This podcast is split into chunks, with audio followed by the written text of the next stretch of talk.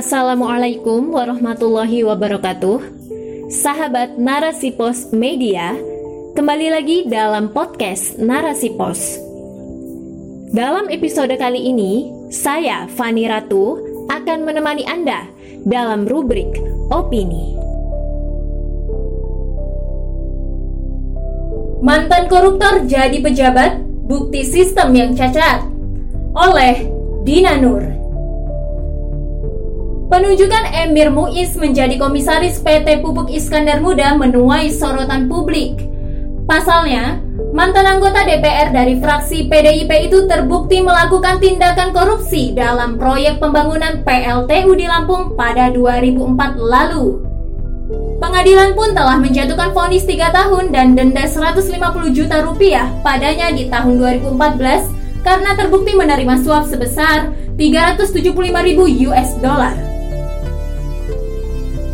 Dengan jeratan kasus korupsi seperti itu, nyatanya Emir Muiz telah diangkat menjadi komisaris PT PIM sejak 18 Februari 2021 lalu. Publik patut mempersoalkan bagaimana seorang yang dulunya pernah menerima suap dan melakukan korupsi kemudian bisa dipilih menjadi pejabat BUMN.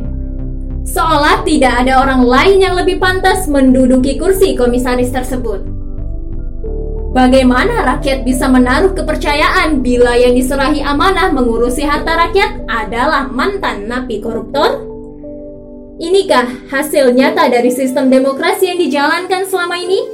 Tak mengapa mengangkat pejabat meski bekas penjahat. Bukankah ini justru menunjukkan kecacatan dari sistem itu sendiri?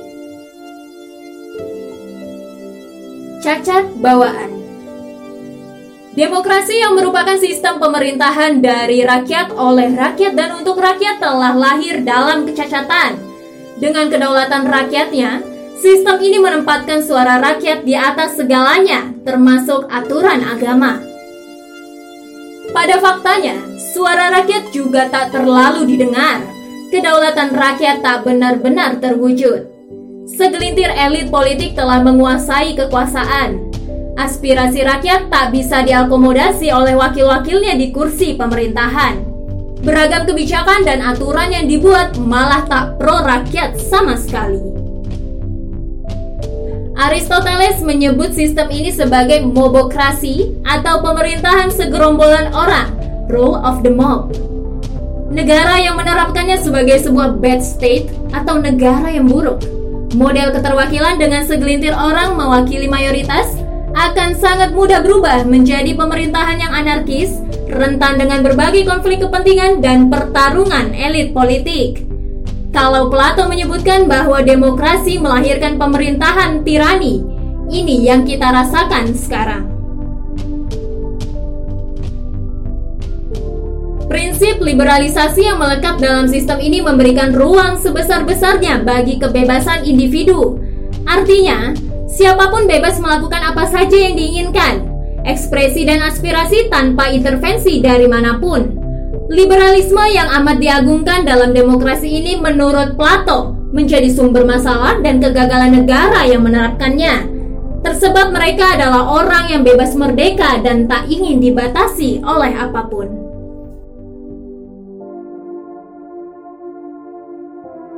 Pada kenyataannya, tak semua orang mendapatkan kebebasan yang sama. Hanya mereka yang punya kuasa atau menjadi kroni penguasa yang bisa menikmati kebebasan. Setidaknya, yang tak mengganggu kepentingan penguasa lah bisa ikut merasakan kebebasan tanpa batas. Liberalisme absolut dalam sistem yang menafikan aturan Tuhan akan berjalan ke arah kerusakan. Manusia bebas membuat aturannya sendiri tanpa campur tangan agama. Aturan dibuat untuk kepentingan sendiri. Egois tak memikirkan orang lain. Karena itulah, penyaluran kebebasan di tengah masyarakat liberal akan menimbulkan berbagai konflik dan kekacauan. Ini yang kemudian memunculkan kecacatan berikutnya, yakni utilitarianisme atau asas manfaat. Dengan kebebasan yang dimiliki, prinsip mencari manfaat menjadi landasan perbuatan. Materi adalah tujuan. Untung rugi menentukan apakah tindakan dilakukan atau ditinggalkan. Inilah hasil penerapan sistem sekularisme yang memunculkan berbagai kerusakan dan permasalahan. Demokrasi kapitalis liberal berakar dari pandangan kehidupan yang cacat. Sistem sekuler yang cacat melahirkan berbagai kecacatan. Korupsi hidup dalam sistem cacat. Dalam kasus pengangkatan mantan napi koruptor menjadi komisaris jelas mencerminkan rusaknya sistem yang tengah berjalan ini. Jargon dari rakyat oleh rakyat dan untuk rakyat yang digaungkan para pegiat demokrasi nyatanya tak lebih dari omong kosong belaka. Pada praktiknya, suara rakyat telah dikuasai oleh segelintir elit. Sekelompok kecil yang berkuasa ini dominan dalam menentukan suatu kebijakan. Bila ditanyakan pada rakyat, tentulah mereka tak mau memiliki pejabat yang mantan koruptor sangat mungkin korupsi yang pernah dilakukan dahulu akan diulangi lagi dengan berbagai dalih. Terlebih, dalam sistem yang rusak seperti ini, menjadi lahan subur bagi korupsi untuk semakin menggila. Korupsi bahkan tak terhenti di kala pandemi. Sebuah survei dari LSI, Lembaga Survei Indonesia terkait persepsi publik atas pengelolaan dan potensi korupsi sektor sumber daya alam, menunjukkan bahwa 60% dari responden menilai korupsi naik dalam dua tahun terakhir. Survei yang menggunakan kontak telepon responden ini dilakukan dalam jangka waktu antara Maret 2018 hingga Juni 2021. Rakyat tak bisa mempercayai bahwa sistem ini bisa menghentikan permasalahan seperti korupsi bila pejabatnya sendiri malah melanggengkannya. Emir Muiz yang merupakan anggota partai penguasa saat ini dan pernah terlibat kasus korupsi di masa lalu, pastilah akan dilindungi. Bukan tidak mungkin untuk menutupi kasus-kasus lainnya yang bisa menyeret mereka yang berada dalam lingkaran kekuasaan. Tentunya ada alasan genting kenapa sampai harus nekat mengangkat pejabat yang pernah menjadi napi korupsi.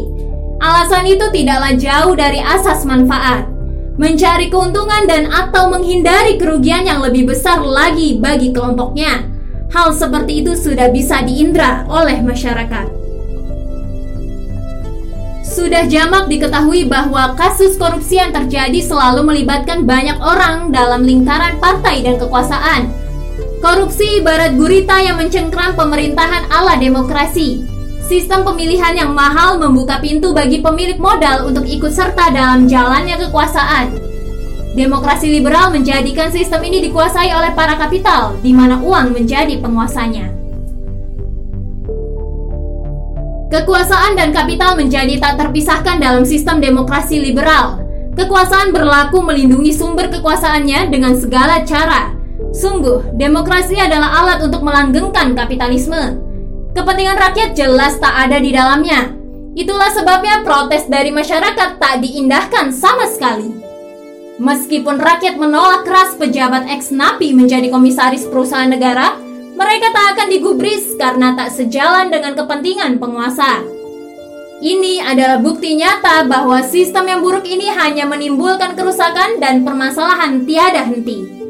Maka, tak heran Bila solusi yang dihasilkan justru menambah kebobrokannya, pemberantasan korupsi tak bisa diakhiri dalam sistem yang korup.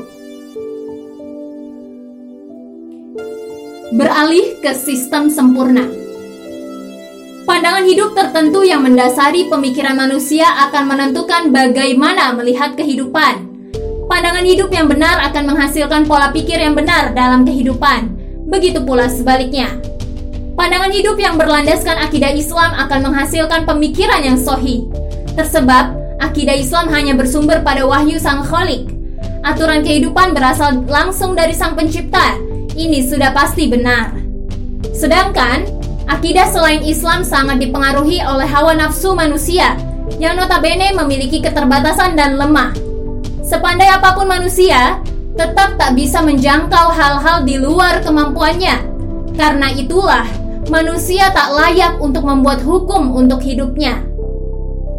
Demokrasi yang merupakan anak dari sekulerisme menyingkirkan agama dari kehidupan dan politik. Sistem ini tak ingin agama mengatur hidup manusia. Aturan dibuat oleh manusia sendiri menurut kepentingannya masing-masing. Sesuatu yang tampak jelas kekeliruannya. Sementara Islam menjadikan kedaulatan berada di tangan syara, yaitu Allah Subhanahu wa taala. Rakyat berhak memilih pemimpin yang tugasnya menjalankan amanah untuk menerapkan hukum-hukum Allah semata. Inilah kuncinya. Islam bukan hanya mengurusi masalah spiritual semata, tetapi juga urusan politik. Islam adalah agama dan mabda atau pandangan hidup. Ia memiliki akidah dan sistem kehidupan. Artinya, Islam tidak hanya tentang keimanan, namun juga sekumpulan hukum atau syariat yang mengatur seluruh aspek kehidupan. Korupsi merupakan salah satu akibat penerapan sistem kufur buatan manusia. Pelanggaran ini pasti akan diselesaikan menurut sumber hukum Islam tadi. Penguasalah yang berhak mengadopsi hukuman seperti apa yang dijatuhkan kepada para koruptor. Selain juga menciptakan lingkungan kehidupan yang penuh dengan ketakwaan dan menutup celah terjadinya penyimpangan terhadap hukum syariat.